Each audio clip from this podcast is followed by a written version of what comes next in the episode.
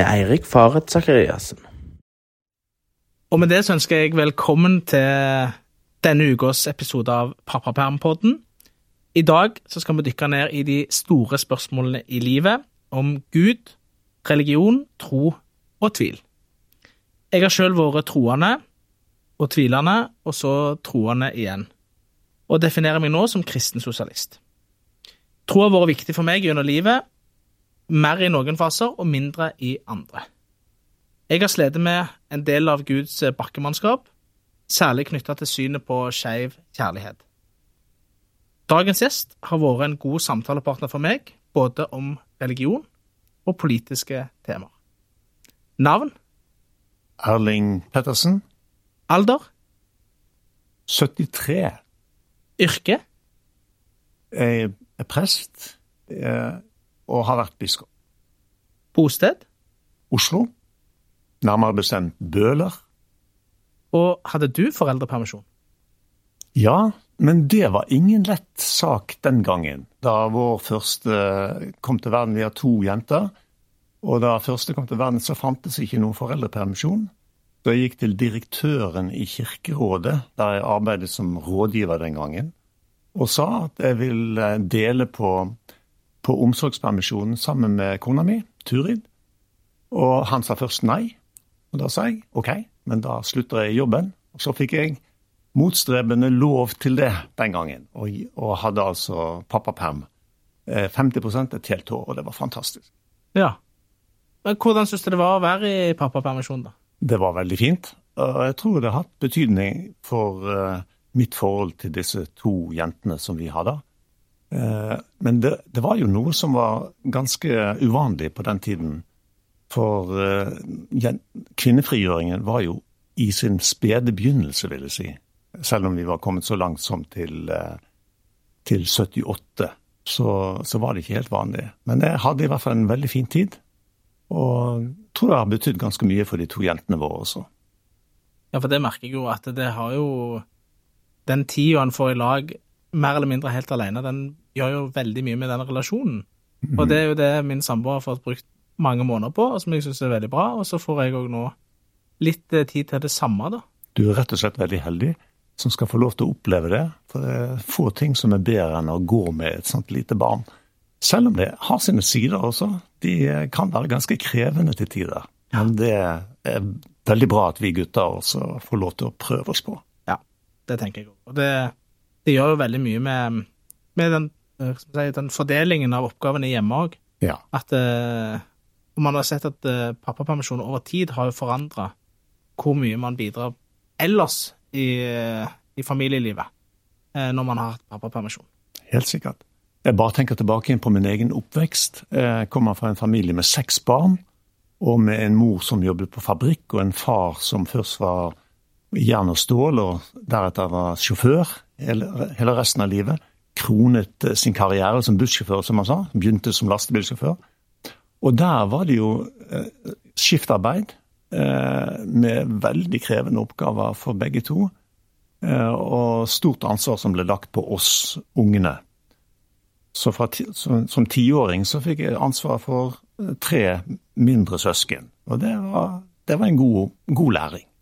Ja, for du har jo vært en som har tatt eh, mye ansvar opp igjennom, og eh, som du var inne på, så har du vært biskop, og du har jo vært biskop i Stavanger bispedømme. Og nå er du det man kaller biskop emeritus. Ja. Og jeg måtte google hva emeritus betydde, og det var uttjent. Ja. eh, og ja. du har jo da vært Eh, hvor lenge var du biskop? Jeg var der fra 2009 til 2017. Så det, det var en periode som, som eh, ble slutten på arbeidslivet mitt. Og tidligere så hadde jeg jobbet både som kirkerådsdirektør og med, med pedagogiske spørsmål, og hadde vært fem år i Latin-Amerika. Og første gang jeg traff deg, så hadde du nettopp vært i El Salvador. Ja, og det skal vi faktisk komme tilbake til litt. Mm. Eh seinere i, i, i, episoden.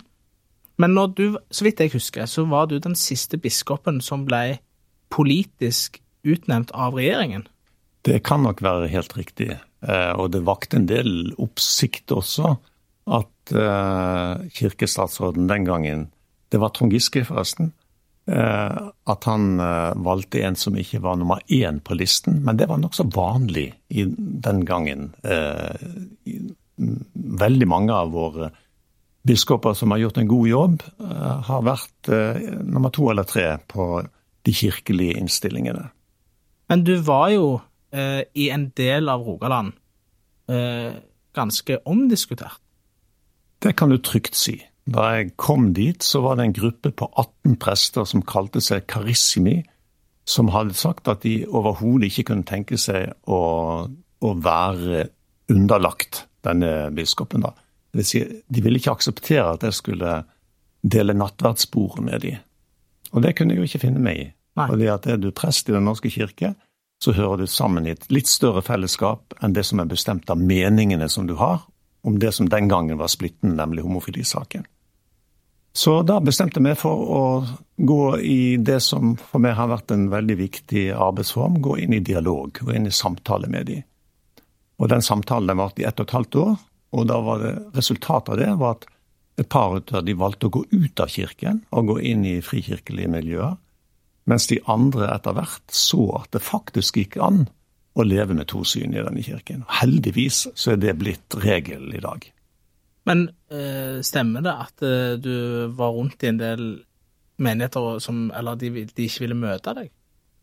Jeg opplevde at eh, nok aldri at det ble avvist sånn bokstavelig talt, men det var en del prester som gikk ut til å begynne med og sa at de, at de ikke ville, ville, at jeg skulle komme på besøk. Men da sa jeg bare at jeg kommer likevel, for det er menigheten som styrer her. Og da etter hvert så roet det seg jo ganske betydelig.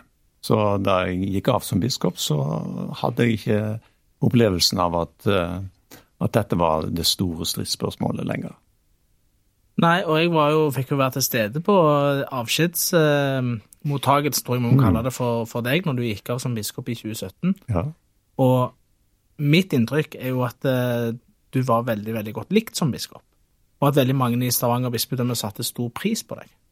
Ja, det tror jeg jeg i all beskjedenhet som bergenser da, kan, kan si var riktig, riktig sett. Mm. Og du gjorde jo en viktig jobb, og jeg, for mange av oss så, så, betydde det mye at det var nettopp en biskop som deg som, som jo utfordra en del av det konservative som, som Stavanger bispedømme har vært veldig prega av, og det var jo en del av grunnen til at jeg har slitt med, med både tro og tilhørighet til kirka, har jo vært eh, måten en har behandla f.eks. homofile på eh, over tid. Og den, det må jeg si har eh, For min del handler det om hva menneskesyn jeg har, mm. og, og, hva trosyn jeg har. Så jeg mm. tenker at eh, jeg, ikke, jeg føler ikke jeg tilhører en religion hvor en har en fordømmende gud, f.eks. Mens jeg opplevde at veldig, det var enormt mye fordømmelse blant, eh, blant en del av det som jeg kaller Guds bakkemannskap. Mm. Ja, det var en ganske krevende jobb å møte en del av de holdningene. Men jeg var jo ikke ukjent med de holdningene fra før. For det er jo, Stavanger bispedømme er jo en del av Den norske kirke, men de holdningene finnes jo i hele kirken. Eh, og det som jeg fant ut var måten å forsøke å løse opp i dette på, det var rett og slett å ta folk på alvor og gå inn i samtale med dem. Og det, det, har jeg fremdeles tro på, at det nytter med den åpne samtalen. Og da må de tåle å høre eh, også synspunkter som bryter med det de tenker er den rette lære. Og det syns jeg vi skal bare bli flinkere til i Den norske kirke også. Og møtes på tvers av ulike meninger. Ja. Jeg husker tilbake i 2008, når man diskuterte kjønnsnøytral ekteskapslov. Da hadde man på en og samme dag i Stavanger så hadde man eh, to markeringer eller demonstrasjoner mm. for begge syn. Det var en markering for de som støtta eh, kjønnsnøytral ekteskapslov, altså mm. at man kan gifte seg, to av samme kjønn kan gifte seg, og så var det en markering for de som var imot.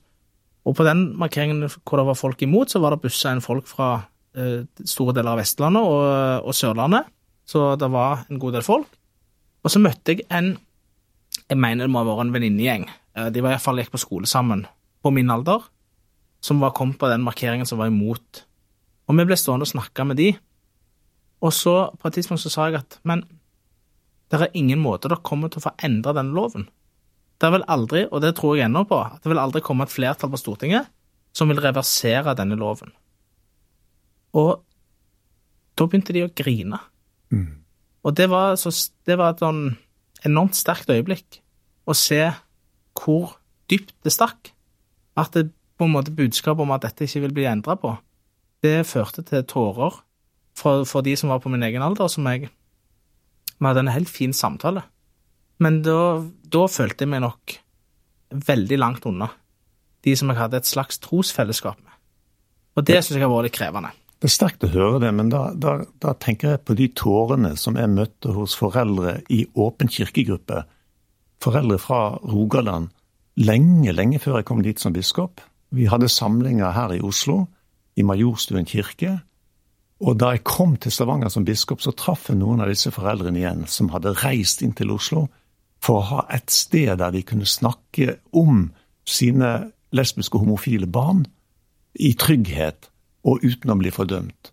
Og de tårene som jeg møtte i, i den sammenhengen, de eh, fortalte meg at her er det viktig å være tydelig på at uh, homofile hører hjemme i det kirkelige fellesskapet. Og jeg husker, dette, dette, var ikke noe som jeg kom til på, på den tiden jeg hadde ment det samme fra mine første møter som ung student med homofile kristne i Oslo, og hadde skjønt at her har Kirken en viktig jobb å gjøre.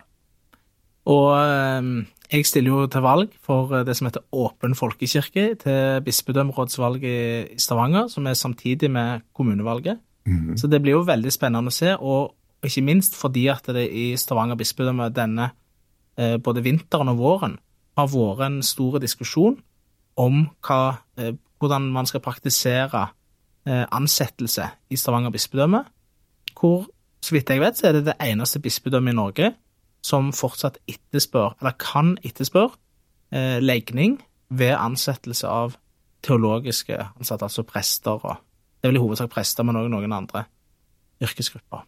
Hva tenker du om den praksisen? Jeg sier jo at den praksisen, den håper jeg at eh, Stavanger bare vil følge etter de andre bispedømmene. For dette er helt uakseptabelt, etter min mening. Ja. Så det vil jo være en av våre viktige saker, men jeg håper jo òg at eh, Kirkemøtet før den tid eh, avslutter dette som en praksis, da. Ja, men, men det er ikke, det er ikke det, Jeg kan skjønne at det fremdeles bor sånne holdninger i Stavanger, men, men de har ingen plass i et bispedømmeråd. Nei, Nei, jeg er helt enig. Men så skal vi vende tilbake til, til vår relasjon, for som du sa, så, um, så har vi, vi har ved flere anledninger snakket om dette med tro og tvil. Og eh, du husker tilbake til når vi eh, når vi møttes og hadde en Vi var jo faktisk i en debatt om dette på mm. Jeg tror det var på Sting. Ja, det var på Sting. Ja. Mm. Og da hadde jeg akkurat kommet tilbake fra en eh, Jeg var valgobservatør for SV, faktisk, i El Salvador. 2015 eller 2014, tror jeg. Og da Um, da hadde jeg vært og blant annet har jeg møtt en del latinamerikanske prester på den turen, og så hva slags framtoning de hadde, og hva status de mm. hadde, som uh, ikke forsvarere av rike og mektige, men, mm. men tvert imot uh, forsvarere av de som hadde lite. Og så hadde jeg blitt kjent med historien om Oscar Romero, som mm. på mange måter var uh, en del, altså, en del av, det som utløste borgerkrigen i El Salvador. Mm. Og jeg sto ved, ved hans eh, Hva heter det for noe? Grav, eller ja, eh, ja. Og rett ut forbi den kirka der han ligger, som er eh, vel domkirka i San Salvador, så var det det store eh, massedrapet av sivilbefolkningen mm. etter at han ble skutt. Og han hadde holdt en preken hvor han tok til motmæle mot regimet, mm. og så vidt jeg husker, sa at eh, dere skal ikke adlyde regimet, dere skal adlyde Gud, og ikke mm. gå stille dere på regimets side i undertrykkelsen. Og så blir han drept, mm. Og dagen etterpå så er det en minnemarkering, eller en, en eller annen form for markering, hvor de begynner å skyte fra regjeringspalasset. Mm. Og Jeg vet ikke hvor mange som ble drept, men det var en del. Og Vi var også inne i det regjeringspalasset og så utover plassen der folk hadde blitt skutt. Og den reisen gjorde noe med meg, som sikkert hadde ligget der en stund, men det var noe med å se hva, hva kraft som eh, religion som positiv kraft kan ha. Og den frigjøringsteologien som du, jeg vet du er veldig eh, inspirert av, og som du opplevde mye i når du var i Latin-Amerika. Og så møttes vi Ja. til debatt. Og da stilte du meg et spørsmål. ja. Husker du hva det var? Nei, altså, jeg husker at vi snakket om troen, og jeg eh, lurte jo på om ikke du også ville finne din plass i vår kirkelige sammenheng. Så i den debatten så spurte du om jeg, om jeg Du hadde forberedt meg på forhånd, da. Om jeg var, ville tenke på å melde meg inn, og så sa Ja. du at jeg kommer til å spørre deg i løpet av debatten. Ja, og det gjorde jeg jo også. Ja, Og du gjorde jo det. ja jeg gjorde det. Og det var Jeg hadde ikke bestemt meg eh, Jeg visste jo ikke jeg skulle få spørsmålet før, med, før du sa at du kom til å stille det. Og så um, eh, Så kjente jeg der og da, når du spurte på scenen, at det føltes helt riktig. Ja. Og det var noe jeg hadde savna veldig. Og det, det var viktig for meg. Og det er jo klart at din latinamerikanske erfaring, da, det du opplevde der, det hadde jo vært min hverdag gjennom de fem årene i slummen i Brasil. Og det var jo frigjøringsteologien som på en måte formet veldig mye av min nye teologiske tenkning. Jeg hadde jo hørt det samme. Og det, det som er litt interessant, er at det var en høyremann som egentlig ba meg først om å lese frigjøringsteologien. Det var Inge Lønning, som jeg fulgte på, på Teologisk fakultet i, i en eh, foredragsserie om Luther. Og han kom til meg og sa at jeg syns du skal lese noen av disse, disse nye latinamerikanske teologene. Og så utfordret han meg til å lese Gustavo Gutierrez om frigjøringsteologi. Så jeg kan takke Inge Lønning, høyremannen, for at jeg fikk øynene opp for frigjøringsteologi. Ja. Men det ble et helt avgjørende møte for meg også, som førte til at vi dro til Brasil og ble der i fem år. Ja, og det, det var jo med videre å inspirere meg òg, som du er inne på. Så det, det viser jo noe om hva menn i kirka på sitt beste kan være. Og ei kirke som er folkelige, og som, eh, som er opptatt av rettferdighet, og som er opptatt av naturen og, og det som er rundt oss.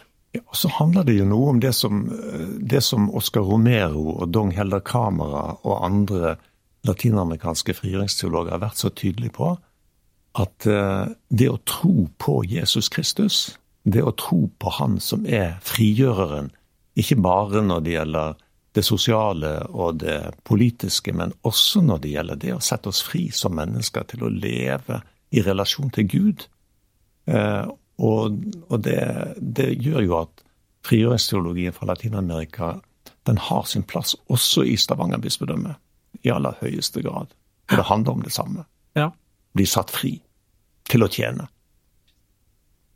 Og selv om du bor i Oslo, så forstår jeg jo at du fortsatt følger nøye med på, på det som skjer i Stavanger. Det gjør jeg. Hva er observasjonene dine av, eh, av byen utenfra, nå som du ikke bor der lenger? Da så- Nei, den, den skiller seg jo ikke mye fra det som jeg opplevde der. Jeg opplevde Stavanger som en veldig åpen by.